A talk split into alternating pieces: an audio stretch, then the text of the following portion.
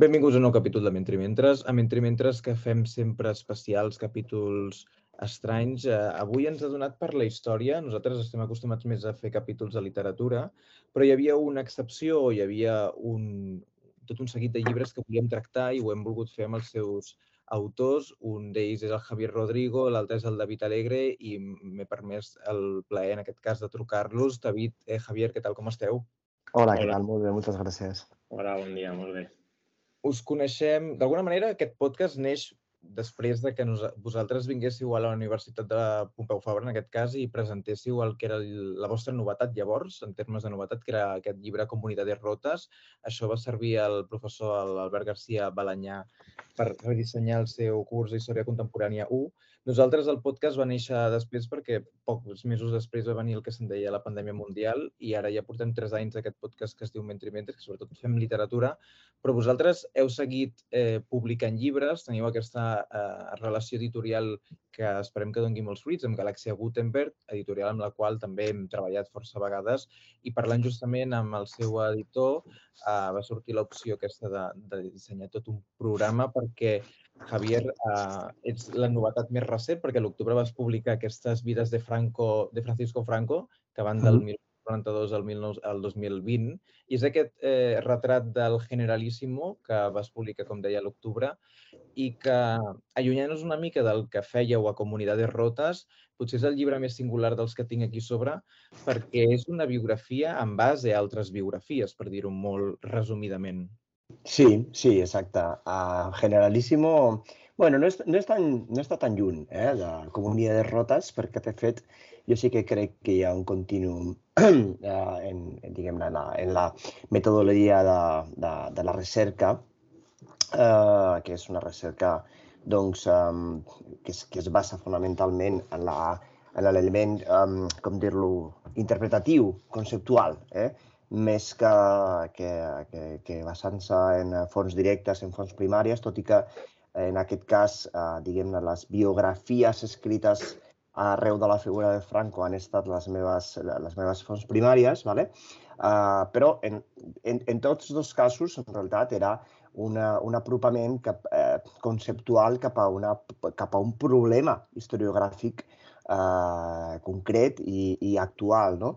En el cas de Comunitats Rotes, el que vam fer és eh, vam necessitar 800 planes eh, per, per demanar-los i per arribar a la conclusió de què era i què no és eh, una guerra civil. I com a, en tant que historiadors vam veure la importància i la necessitat d'un apropament a la problemàtica que fos fonamentalment històric eh? I, i, i com a historiadors, per tant.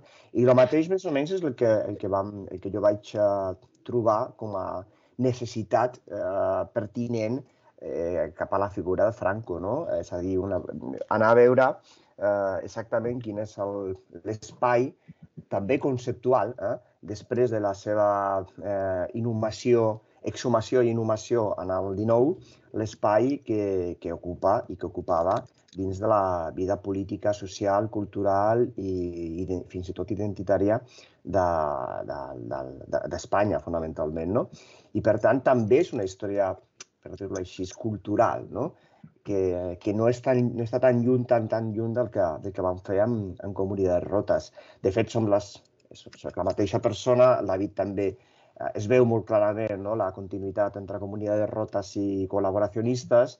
Eh, bueno, al final el que, estem, el que estem fent aquí, el que estem també construint a la, a la, a la nostra universitat, a la nostra grup d'estudis, etc., és també una petita escola, no?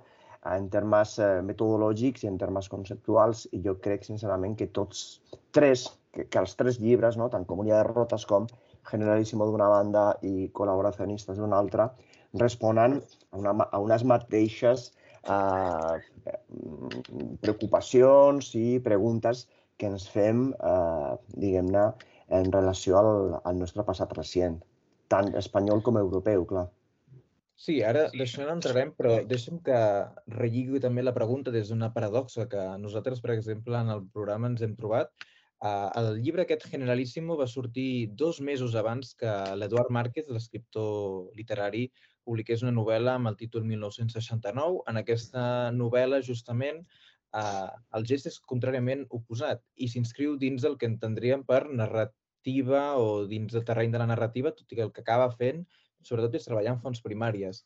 Per tant, un lector que pogués fer el que en dèiem les compres de Sant, Jordi, eh, de Sant Jordi o inclús a Nadal del 2022 a finals, es trobava una editorial, en aquest cas l'altra, que publicava un llibre i després anava en castellà, d'un suposat autor, eh, en aquest cas de ficció, que estava apropant-se a les primèries, no? a, a, a idea de, de, de textos propis eh, del règim, en aquest cas comunicacions internes, per a partir d'aquí ficcionar, i en aquest cas vosaltres feu com un gest contrari, és a dir, des de la història o des de la historiografia us aproximeu a tot un, com ara deies, una tradició cultural que ha llegit d'alguna manera una figura, en aquest cas, que és Francisco Franco.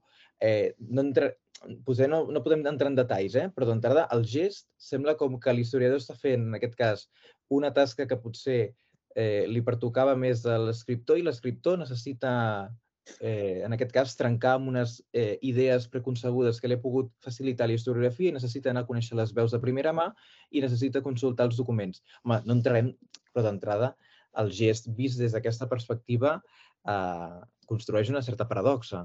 Bueno, mira, mira si ho mirem en, en, en perspectiva europea, no està tan lluny del, del fenomen del fenomen Oscurati amb, la, amb, les, amb les que serà cinc, seran cinc llibres al final sobre la biografia de Mussolini, no? l'M. Uh, bueno, evidentment hi ha un apropament uh, literari cap a la història i un apropament historiogràfic cap a la literatura no són, no són incompatibles, evidentment. No?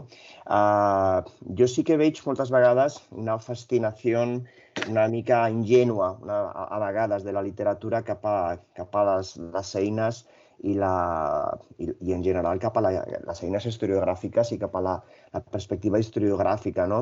Uh, bueno, eh, al contrari, la historiografia ha sempre, o gairebé sempre, ha considerat, perquè està dins de la seva llarga tradició, um, com, a, com, a, és a dir, com a, com a disciplina, l'apropament a, a fonts literàries, a fonts literàries com a forma de representació, no com a forma de uh, construcció de realitat o com a, o com a fons, diguem-ne, eh, per reconstruir processos històrics, però sí com a, com a element per entendre bé les representacions eh, culturals i, per tant, mentre que la historiografia sempre ha considerat la literatura i les representacions literàries com una font eh, útil per entendre'ns, no? eh, al contrari, en l'altra direcció, la literatura mm, a vegades s'ha construït d'esquenes de la historiografia, no? I això és evidentment problemàtic, no? I per tant està bé, està bé eh? que, que hi hagi historiadors, bé, historiadores que llegim llibres de literatura i al contrari literaris i escriptors que, que, que vagin a veure també els, els llibres eh, d'historiografia. Jo crec, sincerament, que aquesta segona qüestió és més, eh, que passa menys eh, del que voldríem. Doncs deixem que li passi la pilota al David Alegre, perquè el David, entre moltes altres coses, va publicar la seva tesi l'any 2017 i s'ha reconvertit amb aquest col·laboracionistes. Ara, ara ja entrarem en detalls, però seguint el fil del que deia el Javier, jo ara penso en un dels capítols que és sobre la, el que enteneu per Guerra Civil a Itàlia, que us he de dir que bibliografia, ja no dic en castellà o en català, del que seria el concepte de, de, de, de Guerra Civil a Itàlia, però d'entrada la qüestió nominal, que també suposo que tindrem moment per entrar-hi, però comença amb la referència que és Curcio Malaparte. Vull dir, realment vosaltres hi ha molt d'element també que us serveix des de la literatura per després construir tot el que també no, eh, heu establert i en aquest cas el llibre eh, que relacionava amb la qüestió europea de com resseguir aquesta història global de les guerres civils. Sí, bueno, eh, és obvi que la literatura és un, una eina molt útil per a nosaltres per a imaginar-nos els passats i els espais en els quals ens endinsem. Eh, jo sempre posaria com a exemple eh, la relació, per exemple, molt, molt íntima que té la Mercedes Justa en l'obra de José Jiménez Corbatón no? a l'hora d'estudiar la postguerra i el fenomen de la guerra de guerrilles contra el franquisme en, en els anys 40, no? Eh, aquí a, bueno, sobretot concretament als territoris de la província de Terol, als territoris orientals de la província de Terol, i ella mateixa ho deia, no? Diu, ho dèiem per a mi, un molt bon criteri, no? eh, que, que jo m'identifico plenament en les seves paraules, a mi em va permetre eh, apropar-me a un espai que era desconegut per a mi eh, fins a aquell moment, no? abans de justament capbussar-me en la realitat humana d'un territori que, que just en aquell moment començava a estudiar. Per a mi, òbviament, jo, jo, jo, tant jo com el Javier, òbviament també, no? però vamos, jo, jo me considero un fanàtic lector d'alta literatura, el podríem considerar alta literatura feta en qualitat, feta en, en sensibilitat i feta en, en un procés documental exhaustiu. No? Bueno, jo segurament una de les obres uh, que segurament em, em va marcar més en la meva formació i en els temes que tracto és Les benèvoles de Jonathan Little, no? que, que està molt, molt recolzada sobre, sobre el treball historiogràfic i filològic no? alhora, perquè són les dues coses de, de Klaus Tebeleit, un, un filòleg, historiador eh, alemany poderosíssim, no? que té un, un, una obra mm, mayúscula molt eh, centrada en aquell període que no per casualitat pues és decisiu eh, a nivell metodològic i epistemològic per a les nostres, per als nostres camps de coneixement, com és el, de, el del gir lingüístic, la, la irrupció dels principis de construcció de Derrida i totes aquestes qüestions que, que estan molt presents a, a la pròpia obra del Javier. No? De, al final és una metabiografia, eh, una metahistòria de Franco a través de les visions històriques d'ell i jo crec, que, jo crec que és un exercici intel·lectual tan, tan eh, fascinant i, i, i per, per, justament per això, no? perquè, perquè permet eh, endinsar-nos en els substrats de la figura eh, i en la pròpia construcció de la figura, la pròpia construcció mitològica de Franco. No? Eh, llavors, sí, òbviament, per a, per a nosaltres, eh, jo sempre insisteixo molt en els, en els meus estudiants, en el nostre alumnat, en que un historiador ha de llegir, llegir i llegir i, i és fonamental per a fertilitzar-nos no? en, les nostres, en la nostra capacitat de reflexionar i també de construir un, un llenguatge capaç de transmetre coneixement, perquè la literatura no només fertilitza el coneixement, sinó que també ens dota d'unes eines per a poder eh, expressar-nos o construir vehicles de transmissió de coneixement molt més efectius, no? perquè al final no deixa de ser una experimentació constant en el llenguatge, eh, la transmissió de coneixement, tant oral com, com escrita. Llavors, la literatura és captal en tots els sentits i, i sempre ho defensarem. Com dèiem, eh, Javier Rodrigo, David Alegre, 2017, publiqueu aquest Comunitat de Rotes, posteriorment apareixen aquests dos nous llibres, per una banda la reescriptura, per entendre'ns de la tesi. Entrem aquí, David, perquè publiques i vas fer un tuit ara fa poquet eh, dient això, eh, que feia un any tot just que acabava d'aparèixer aquest llibre, que és Col·laboracionistes. Uh, la teva tesi, però, tenia una, un, una franja temporal més determinada, perquè deies, eh, el títol era Experiència de la guerra i col·laboracionisme político, Bèlgica, França, Espanya, eh, sota un nou ordre i era el 1941-1945. Aquest col·laboracionistes, si obrim el llibre, ja comença amb els anys eh, 1930, 33 concretament, la Gran Depressió, i et permet arribar una mica més endavant i arribes al 1950. En tant que reescriptura de la tesi, d'alguna manera també què t'ha permès eh, en aquest nou col·laboracionistes eh, explorar? Bueno, uh, jo, mira, de fet, és una bona ocasió per a trencar una llança a favor de, de, de, de, del bon funcionament sovint de, de l'acadèmia, no? moltes vegades també criticada pels propis acadèmics perquè, perquè és, és adient i necessari.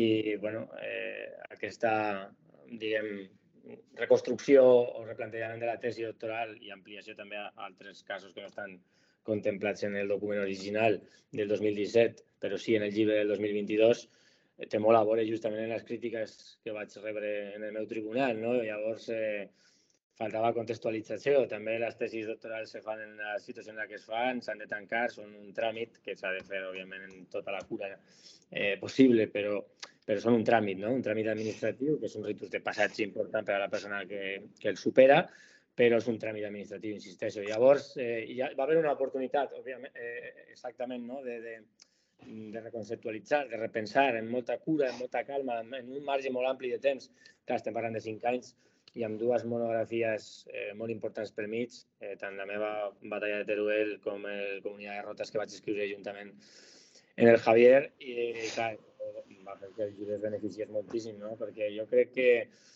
una de les coses eh, que té una tesi doctoral és que normalment la fem en la, en la, en la nostra dècada dels 20, no? entre els 23-24 anys i els 29-30, no és tampoc sempre el, el comú, el més comú, però o sigui, no, no, és sempre, no, es, no es dona sempre aquesta circumstància, però sí que és la més comuna, eh, i, i un madura i creix en la, en la pròpia tesi, no? Eh, la seguretat que guanya en el moment que defensa la tesi no és, no és quelcom que hagi tingut abans de defensar-la. Llavors, eh, jo ja la tenia i aquells cinc anys de reelaboració han estat decisius, no? I jo crec que la millor mostra d'això és és la, la, la, bueno, la bona acogida que ha tingut i la pròxima publicació d'aquest treball en, en anglès, que, que s'ha quedat els drets l'editorial Politi, eh, Politi, Politi, eh, Bronsbury Politi, s'ha quedat eh, Comunitat de Rotes, que, estic, que estem acabant de relaborar-ho justament ara mateix. Abans, de, abans de, de, de la trucada estava justament acabant de llegir coses sobre el manuscrit original en castellà. No? Llavors, insisteixo molt en, en el que vull insistir bàsicament és en que la, el, el coneixement eh, humanístic és un, és un camp que hauria de ser molt més artesanal del que és actualment, en el sentit de que jo crec que anem massa exprimits eh, per les exigències mm, d'un tipus de carrera que ha esdevingut una mica esquizofrènica a vegades per, per, per l'exigència de publicar de manera constant, la qual cosa acaba fent caure a, pues a quasi tots o a tots ens va caure puntualment en, en el refregit, en el, en el tornar sobre les nostres pròpies passes massa i amb massa poc profit. I la, la meva carrera en aquest sentit és una mica típica i la reivindico, en aquest, eh, la reivindico no? eh, crec que positivament, sota una llum positiva, eh, perquè, perquè justament vaig deixar un procés de maduració molt ampli i de sedimentació del que va ser una recerca complexa que aplega molts casos i que, i que precisava d'una reflexió que es donés a poc a poc. No? I bueno, jo mm. crec que la, aquesta és una de les grans virtuts o, o, o potencials o punts forts de, de, de col·laboracionistes, crec, no? que, que aquest període extra de temps entre la tesi i la publicació del llibre li va permetre integrar quatre casos més, sempre amb un cas extra que és, que és l'alemany, que està sempre en el centre de tot i, i que, bueno, que es va beneficiar de, de, de la meva pròpia maduració com a docent, l'intercanvi d'alumnat, etc etc. Sí.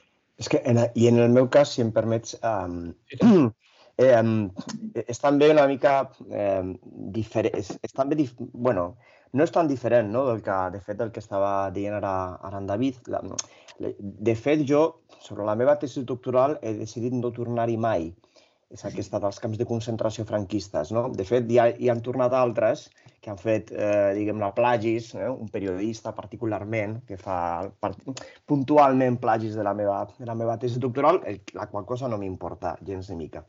Uh, però és veritat que uh, tota la meva producció no s'entén sense el que he fet abans, és a dir, eh, hasta la no s'entén sense, sense cautivos, no?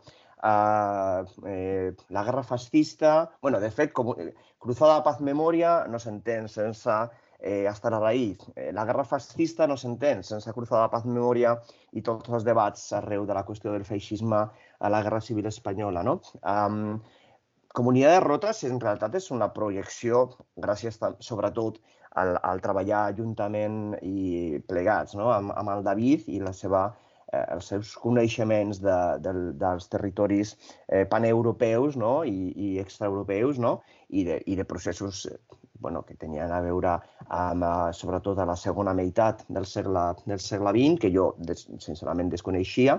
Um, però, bueno, Comunitat de Rotes no s'entén sense tota la, tota la producció anterior de tots dos, de fet, no? perquè estem responent a preguntes que el David es feia en la batalla de Truel i que jo estava fent-me, eh, entre altres qüestions, en en, en la guerra fascista. No?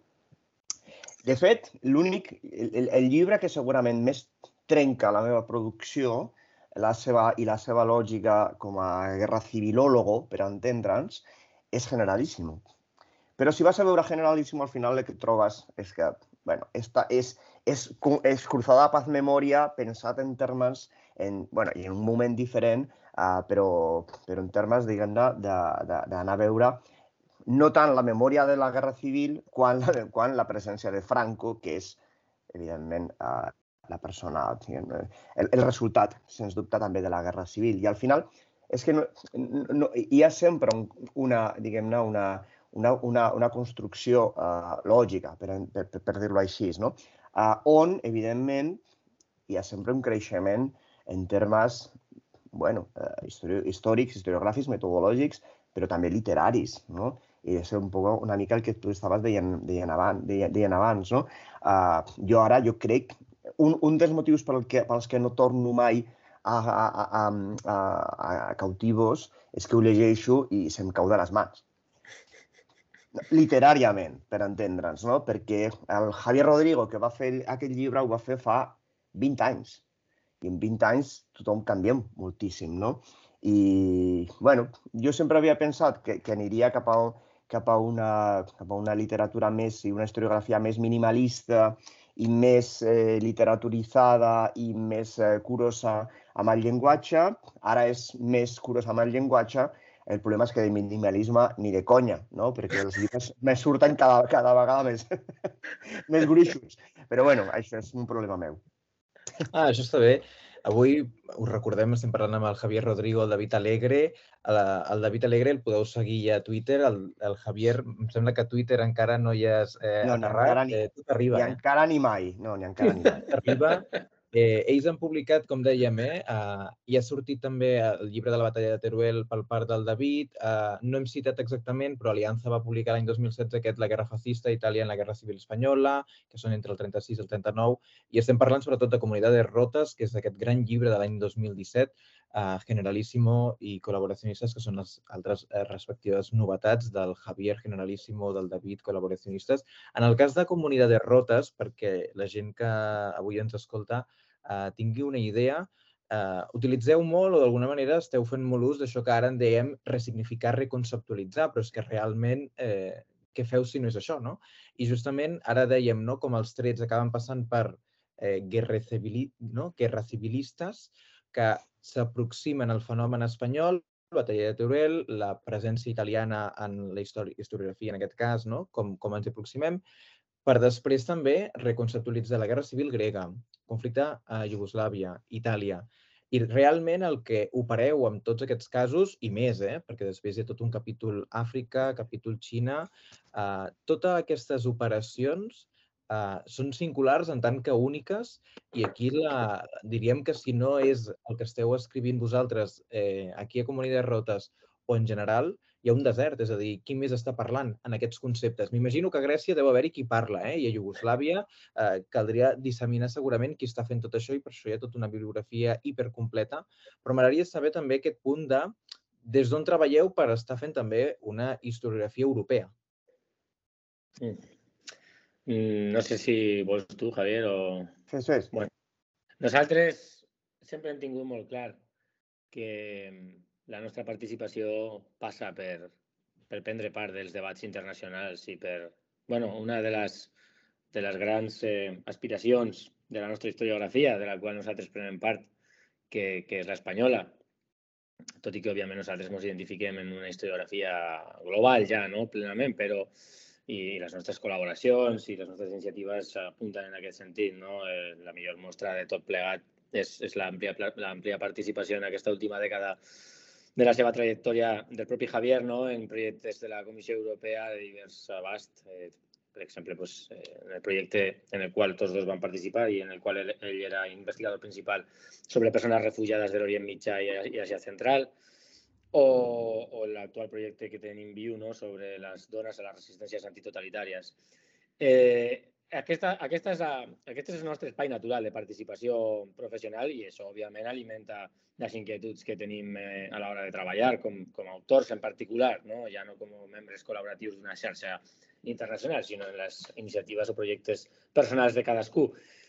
I com deia, una de les grans aspiracions eh, i de les, dels tres distintius de, de la historiografia espanyola, dels historiadors i historiadores espanyoles, és el desig de de, de connectar el cas espanyol a dinàmiques globals. És a dir, ja no ni dinàmiques europees, sinó transatlàntiques, mediterrànies, que són els espais naturals en els quals, dels quals enudreix la història d'Espanya i en els quals la història d'Espanya impacta. La història d'Espanya és una història global, és una història transnacional, és a dir, el que passa a Espanya té conseqüències arreu i el que passa arreu té conseqüències a Espanya. No? Vull dir, nosaltres fa de temps que insistim en això i jo, per exemple, a col·laboracionistes Eh, insisteixo molt en el primer capítol sobre l'impacte global de la Guerra Civil, que això és un tema que encara està esperant una bona tesi, una bona tesi doctoral, eh, segurament, no?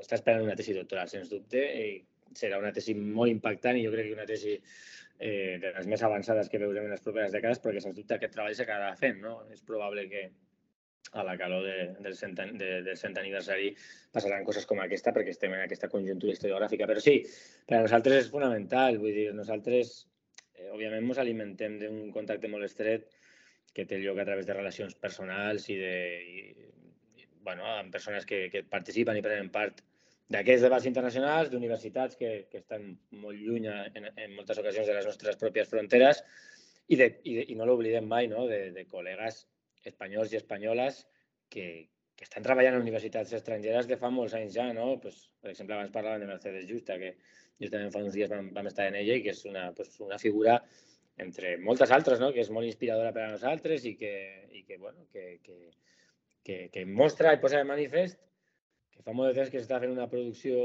eh, de primera qualitat, eh, plenament inscrita en les coordenades més avançades de la historiografia internacional i, i que, bueno, i que, i que això està tenint un retorn constantment. No? Eh, fa molt de temps que jo crec que la historiografia, nosaltres, jo, sens dubte, me beneficio ja del treball d'una generació prèvia com és la del Javier, en el qual només ens portem 11 anys, no? però i sens dubte Javier igual, no? d'altra gent que li va precedir, o sigui que al final som, eh, caminem sobre les espatlles de gegants no? en aquest sentit, intentem estar a la seva alçada i, i també generar un entorn en el qual pues, les generacions que vinguin puguin participar en les seves pròpies inquietuds i, eh, i, i preguntes, no? eh, que al final és del que es tracta en el camp de les humanitats. O sigui que és el nostre, aquest és el nostre compromís i aquest és el nostre esperit eh, una mica remitir-me al que deia Javier, no? de, de que estem intentant generar una escola que jo crec que està ahí ja, eh, és evident, eh, molt centrada, i amb això acabo, no? en una qüestió que havia merescut molt poca atenció per part de la,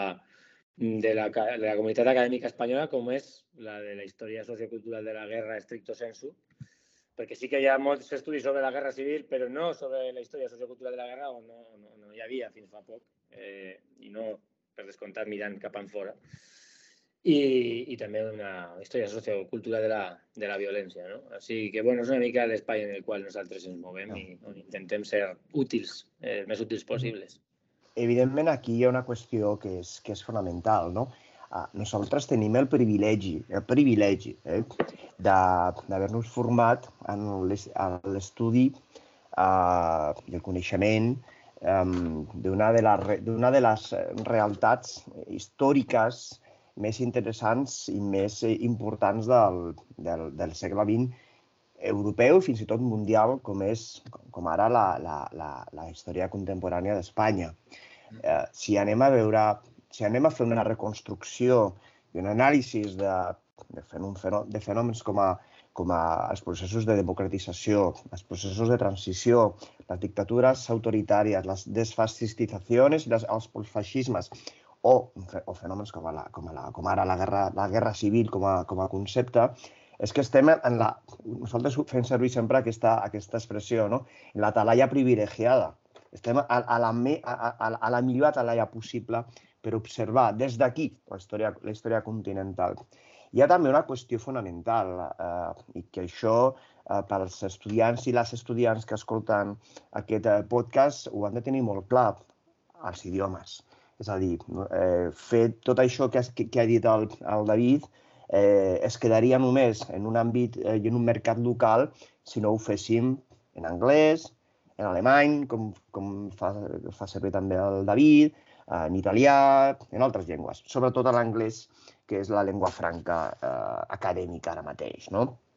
I això és el que et permet pues, estar en, en, un, en un mercat de seminaris, de, de, de congressos, d'activitats eh, acadèmiques, científiques, en tota Europa i fins i tot als Estats Units. Evidentment, també ten, tenim el, la sort i el privilegi de, de, de, de, de tenir una, una i unes llengües, com ara el castellà o el català, no?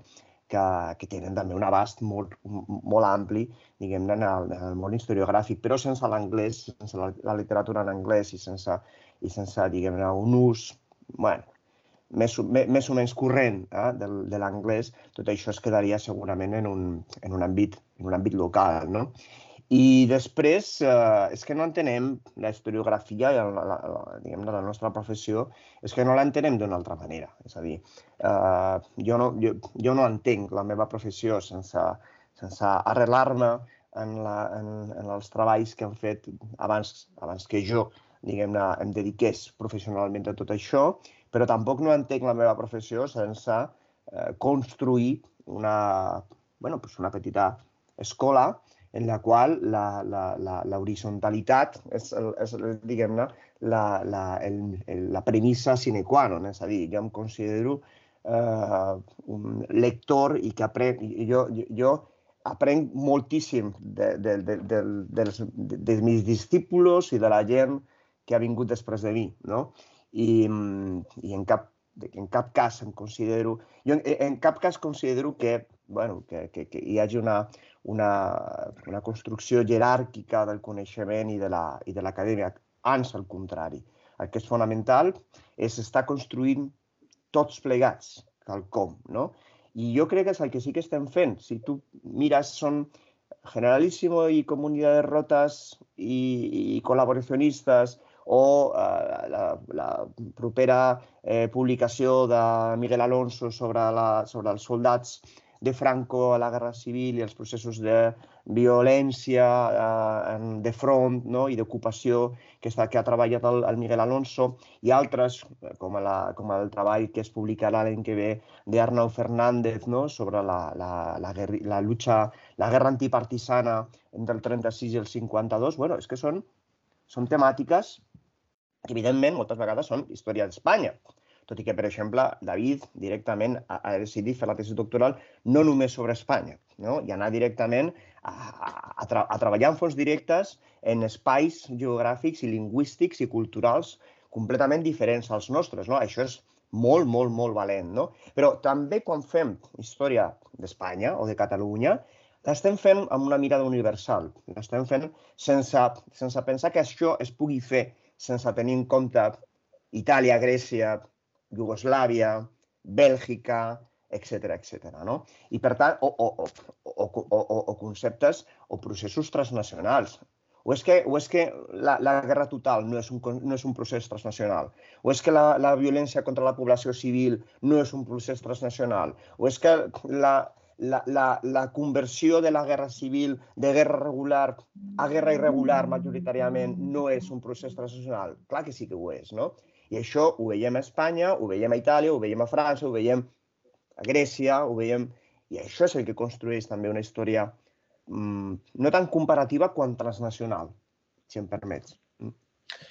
Avui estem parlant amb el David Alegre i Javier Rodrigo. Abans d'acomiadar-vos, perquè ja comença a ser l'hora i ens passarem, si no, del temps i no us vull deixar eh, però sense preguntar-vos això, eh, ara justament parlàvem de la dimensió transnacional. Jo us volia parlar de la dimensió, en aquest cas, d'escala de violència o com vosaltres també treballeu amb dinàmiques de fases de violència i com això també us permet això relacionar amb un aparell conceptual determinat. És a dir, quan parleu també de les fases de violència amb què s'inscriu la Guerra Civil Espanyola com això ho relacioneu amb altres dimensions que ara dèieu transnacionals i com les escalades de violència en el fons també tenen un component transnacional, és una de les dinàmiques o és una de les experiències que com a lector de comunitats rotes et queda més clar justament. En aquest cas es podria instruir no? o dir d'alguna manera que vosaltres utilitzeu eh, les dimensions, això, eh? escales de violències, onades de violència, no sé com ho podríem tipificar més concretament, com d'alguna manera la vostra perspectiva crítica per eh, construir tot aquest argument teòric.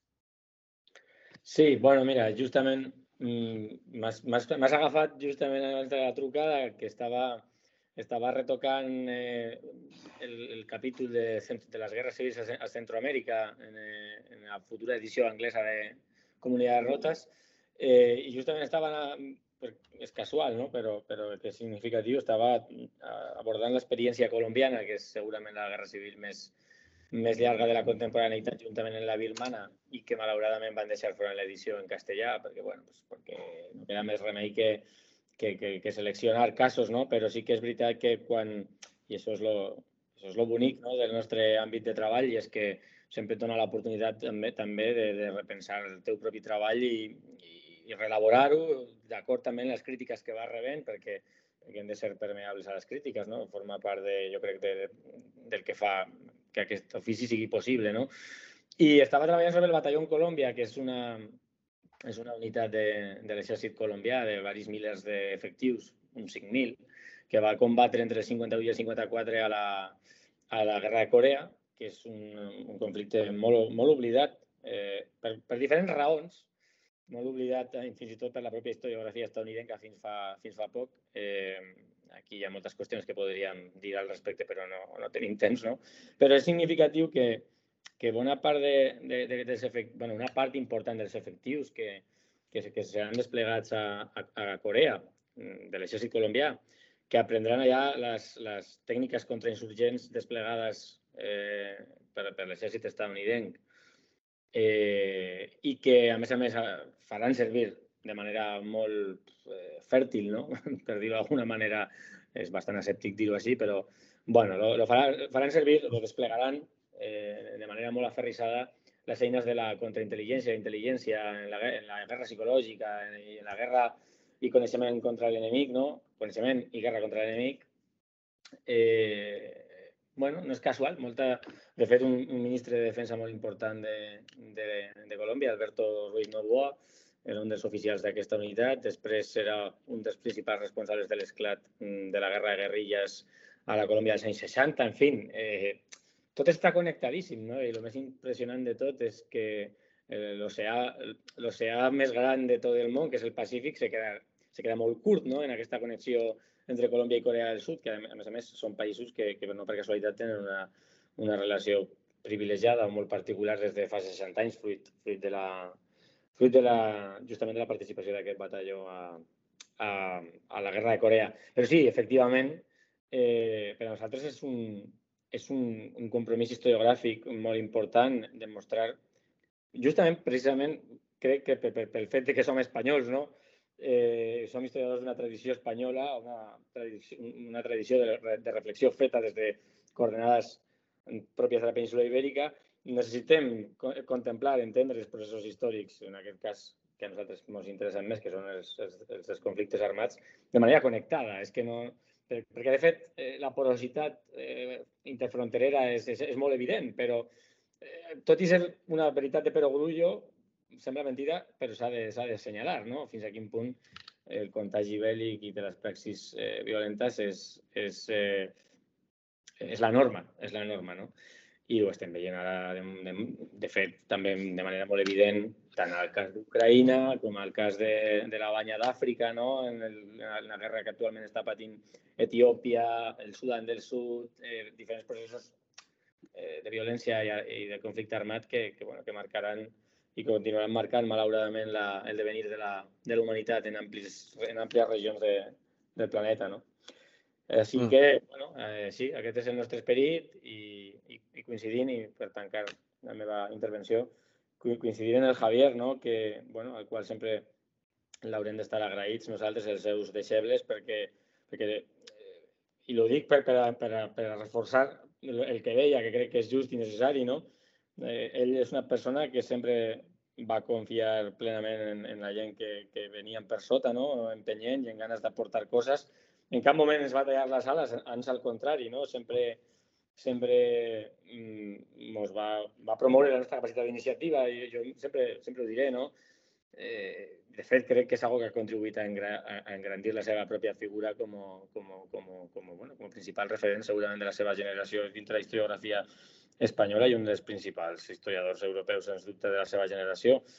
Eh, I és que tenim nosaltres, portant nosaltres tres anys apenes de, quan dic nosaltres me refereixo a mi i al Miguel Alonso, eh, de, de, de doctorat, eh, vam, vam, vam organitzar un congrés internacional que és eh, Teatros de l'Obélico, eh, Theaters of War, perquè va ser un congrés internacional que va comptar en la participació pues, pues, d'alguns dels principals eh, investigadors sobre la qüestió de la guerra total i, i altres qüestions relacionades en la, en l'estudi de la violència. I després, dos anys després, eh, el Fascist Warfare, no? que va ser un congrés també que va plegar a experts i expertes en la qüestió de la guerra total vinculada a la, a la cultura política feixista en el període que, que més ens interessa a nosaltres, que és el període d'entreguerres. No és l'únic que ens interessa, però sí és el, en el que més hem concentrat part de la nostra recerca. I bueno, la prova més evident és Comunitat de Rotes, no? una persona que acaba de sortir de, de la seva tesi doctoral, embarcar-se en una reflexió de gran abast, que normalment sol ser més pròpia de estadis de maduresa més avançats, no? per dir d'alguna manera, bueno, pues, eh, la van fer mà a mà en una comunicació constant, plenament horitzontal i bueno, jo crec que, que, que la, la barreja d'experiència, de, que l'experiència sempre és un grau, òbviament, no? en, en l'atreviment la, propi de la joventut pues, pues, va donar un fruit meravellós no? I, i que crec que, que s'ha de reivindicar sempre, que, que figures com el Javier Rodrigo estiguin eh, bueno, jo crec que són un referent a seguir en la capacitat d'estar oberts al diàleg en les, genera les noves generacions d'investigadores i investigadors. No? Mm. En el mateix sentit que des del meu punt de vista figures com la del David Alegre eh, són, són, el són el referent no només per, la, per els que ja som els, els viejos del lugar, no? Uh, sinó també, eh, sobretot com a, com a cadena de transmissió uh, cap a generacions posteriors d'historiadores i d'historiadors, a més a més obert a uh, les noves eines i les, als nous, nous mecanismes de, de transmissió eh, de coneixement històric, i no només de coneixement històric, sinó també de metodologia, de la importància de la complexitat per apropar-se al passat, de la importància de, bueno, de, de, dels, eh, dels coneixements eh, que vagin més enllà de, de, de, de, les àrees més, més conegudes, de l'apropament i l'apertura cap a àmbits eh, cronològics i geogràfics eh, i conceptuals eh, diferents dels que estem acostumats, bueno, i fer-ho tot això amb la, amb la cura i amb la capacitat també de transmetre i d'arribar eh, amb un llenguatge també eh, proper eh, i pensat eh, en, en termes de, del receptor i no només de l'emissor, perquè els historiadors i els acadèmics molt, molt, moltíssimes vegades només pensem en l'emissor, és a dir, a nosaltres mateixos, no? I no pensem gairebé mai en qui està llegint o a qui arriba el missatge, no? En canvi, el, eh, la, jo crec que figures com el de la, la vida alegre demostren que, que, bueno, que, que hi ha molt marge de, de, de millora des d'aquest punt de vista de, dins de la historiografia clàssica o que, eh, com és el meu cas, la cosa millor és fer, com, com deia l'ex ex, ex president de la Generalitat, no? fer un pas al costat eh? i deixar pas a altres que ho facin millor que tu. No? I jo, des d'aquest punt de vista, jo sempre dic, no, per mi, la, la, la, el, la, la, la, la, la més gran de les, de les alegries com a, i de les, dels orgullos, uh, orgullos legítims que tinc com a, com a historiador i com a acadèmic és haver, és, és haver contribuït a la, a la millora de la historiografia, del coneixement històric eh, mitjançant la, la, la, la, la, la, la projecció de persones i de figures com a Miguel, com a Arnau i sobretot com a David eh, dins del món de l'acadèmia. La, Javier, David, eh, seguirem atentament eh, tota la vostra carrera, també perquè a nivell de publicacions esteu de moment ben lligats, si no us fitxa internacionalment algun altre editorial a Galàxia Gutenberg i per tant el Joan Tarrida jo crec que de moment pot estar tranquil. No sé si hi ha algun projecte entre mans eh, aviat d'algun dels dos. Que hi ha. Sí que ja, doncs estarem... hi, ha, hi ha masses coses, masses coses. Ja, però... Mare de Déu, mare de Déu, sí, doncs estarem sí ben que, atents, sí, estarem ben atents. Sí, sí que ja que estem, doncs mira, eh, t'ho explico, jo, perquè me ve, me ve de gust explicar-t'ho breument, eh, perquè és un tema, jo crec que val la pena, no? ja que heu posat l'escenari, a més a més jo crec que és una mica... Mm, eh, bueno, sereu una mica eh, o sigui, us dono quasi l'exclusiva, per dir d'alguna manera, perquè és un tema que he portat amb molta discreció, no? Eh, o que porto amb molta discreció per diferents raons i, i, que, i que val la pena assenyalar, perquè, vamos, aprovem el 100 aniversari de la Guerra Civil Espanyola. Eh, eh, això jo crec que tindrà moltes i àmplies conseqüències, tant socials, polítiques i polítiques com historiogràfiques, culturals. Crec que estem en un moment molt fèrtil en molts sentits. De, a nivell cultural i del coneixement, jo crec que estem en un moment molt fèrtil, jo sóc molt optimista, crec que, que anem cap a un escenari super positiu que ens donarà moltes sorpreses i un dels escenaris que s'està fraguant és el de l'estudi de molt, de, molt a prop, no? l'estudi molt a prop de la figura dels perpetradors en la Guerra Civil Espanyola. No? Eh, els perpetradors materials i els perpetradors intelectuals o, in, o intermitjos en la cadena de mando de la violència que va tindre, que es va desplegar de manera tan terrible, no? en, sobretot en els anys 36-37, però no només, eh, sinó, sinó més endavant fins i tot. No? I jo justament en, en, aquest, en aquest últim any i pico eh, estic treballant en dos projectes en paral·lel, bueno, dic any i pico perquè és, és el període en el que més m'he centrat en això, però porto molts anys treballant sobre aquestes qüestions. Eh, un d'ells és un projecte sobre la postguerra en la província de Terol, que és una continuació una mica no, de, de la batalla de Terol, entendre com la guerra té una sombra, una ombra molt allargada no, en, la, en la vida de la gent i, i com fins i tot explica moltes coses com eh, pues, el fet de fer impossible la vida en la Espanya interior, això que avui en dia diuen l'Espanya vaciada, té molt a veure justament en, en el que va passar en la postguerra, no? en la guerra i en la postguerra, que va fer les comunitats locals invivibles per a molta gent. No? I sobretot m'estic centrant en l'estudi dels perpetradors materials de la violència en el Terol, en el Terol del 36 i 37 i més enllà, però això ja no, ja no vull entrar. I, i està tenint un, un vessant aquesta recerca que crec que val la pena destacar per una qüestió, no? que és, és, és, és, la, és, és, és el contacte en descendents, familiars i gent molt propera d'aquestes persones, de les persones que, que es van encarregar d'apretar el, el, el, el gatell no? de, de les pistoles. I, i, i saps que saps quina és la, la conclusió que, que trec de tot plegat? I a més a més ahir va ser un dia molt emocionant respecte a aquesta qüestió, perquè vaig tindre l'ocasió de parlar amb una persona molt propera, que segurament va ser el principal botxí de, del Terol del 36, una persona de la seva família. La conclusió que trec és que som una societat que ha evolucionat molt, me refereixo a la societat espanyola en general, una societat que, ha, que jo crec que, que jo en, en, en amplis aspectes admiro la capacitat que ha tingut de, que està tenint i que tindrà d'enfrontar-se a aquest passat. Segurament a mi m'ha donat una, una, una lliçó que ahir m'emocionava, no? Per, perquè, clar, quan, quan vaig començar a plantejar-me la possibilitat de fer una recerca que anés més enllà del contacte amb supervivents i familiars de les víctimes i, òbviament, del treball en els arxius, que és molt exhaustiu. Intentar preguntar quina memòria familiar, quin llegat han deixat aquests perpetradors en el seu àmbit, en el seu entorn pròxim.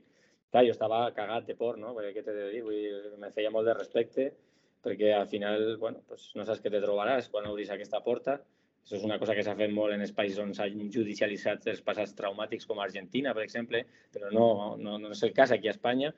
I només m'he trobat experiències ultra positives, mm, ganes de compartir, ganes de parlar, i sobretot m'he trobat en que la, la violència d'aquests botxins moltes vegades eh, es va tornar contra les seves pròpies famílies no? en les dècades posteriors i que són que les, les, els seus propis descendents o, o persones properes són també d'alguna manera víctimes d'aquestes persones seria molt difícil, molt, molt complex entrar eh, en profunditat en aquesta qüestió, segur que tindrem ocasió, però aquest és un dels projectes més estimulants, més fascinants i terribles alhora en els quals m'he trobat i que, que, clar, té una continuïtat natural en tot el que estàvem parlant i per això volia, per això volia destacar-ho, no? I justament, a més a més, bueno, igual el Javier ara farà esment, això, eh, estem tots una mica en aquesta línia ara darrerament i, i, i, hi ha, hi ha diversos projectes de recerca que estan en marxa ara mateix, per això deia que serà, estem en un moment molt fèrtil que, que donarà molts resultats, perquè hi ha un parell de tesis doctorals que s'estan engegant, tant a Córdoba com a Cádiz, sobre temes de, de perpetradors. Hi ha companys com Antonio Míguez que estan treballant sobre aquesta qüestió també, eh, des de Galícia. En fi, eh, el tema donarà molt de sí en el futur i, i, i jo crec que és molt positiu per a la societat espanyola, no? perquè genera un espai molt necessari per a l'autoqüestionament de qui som, d'on venim, de com, ha determinat tot, de com han determinat totes aquestes violències de manera no només institucional i social eh, en grans termes, sinó molt íntim, no? el que som. I, i bueno, pues, en això estem, en això estem. Abans que Javier responguis, jo us volia aturar perquè has citat Galícia, has citat a Catalunya, estudis de perpetradors, perquè això també... De...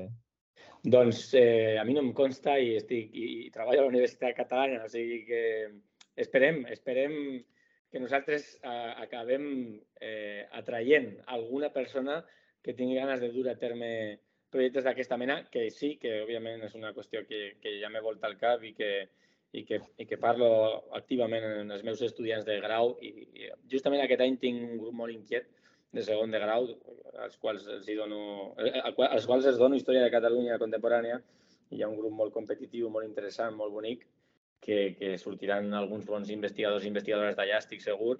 I bueno, hi ha ganes de fer coses. Eh, la nostra escola crec que és una escola molt atractiva, i que i, bueno, nosaltres creiem en, en que tot allò que, que estem fent i que tenim a dir és important i, i tenim una agenda historiogràfica molt, molt clara, no? i és la d'atraure talent i gent en ganes de treballar en la línia en la que ens plantegem i de la qual puguem aprendre nosaltres, no? que sens dubte ho farem. Així que, bueno, eh, si serveix com crida, pues, eh, aquí queda no? la, la nota dintre de l'ampolla.